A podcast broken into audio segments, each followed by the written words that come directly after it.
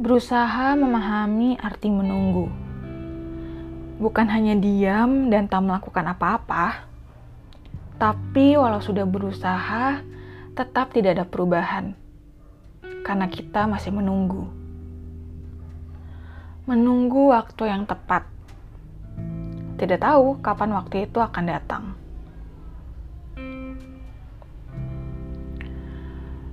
Menunggu gak mudah. Semakin lama menunggu, semakin terasa lama waktu berjalan. Padahal, waktu tidak pernah berhenti. Akan ada lebih banyak kegaduhan di dalam diri kita. Melihat banyak orang berlalu lalang, sedangkan kita diam menunggu. Sampai kapan? Kita bertanya. Tidak ada jawaban. Rasanya seperti berlari dalam sebuah lingkaran. Pergi ke kiri, sampai lagi ke titik semula. Pergi ke kanan, sampai lagi ke titik sebelumnya.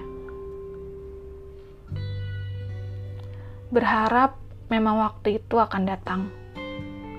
Datang menyelamatkan dari kediaman ini.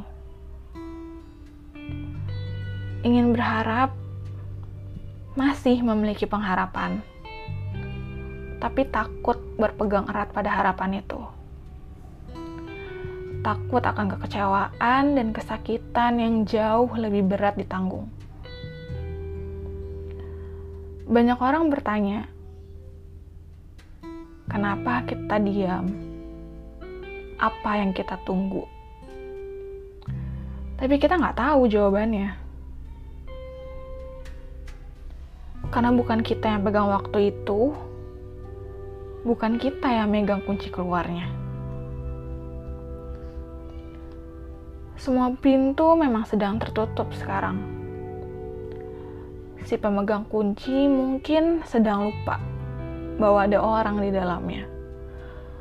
Mungkin besok pagi ya datang, mungkin lusa, gak tahu kita hanya bisa berdiam diri di dalam dan menunggu. Lalu, apa yang harus dilakukan? Cuma satu: bertahan. Gak pernah tahu kapan pintu akan terbuka, tapi selama kita bertahan, kita pasti bisa keluar keluar dengan keadaan hidup, bukan mati menyerah. Sekarang kita cuma perlu berusaha sekuat tenaga untuk tetap bertahan. Mencari banyak hal di dalam ruang tunggu ini untuk tetap bisa kuat. Kuat secara mental dan kuat secara fisik. Susah dan berat pastinya tapi sekarang inilah perjuangan kita. Mungkin orang yang berlalu lalang juga sedang bertahan dan berjuang dalam perjalanannya dia di luar sana. Tapi ini perjuangan kita di dalam. Melawan diri kita sendiri, melawan waktu.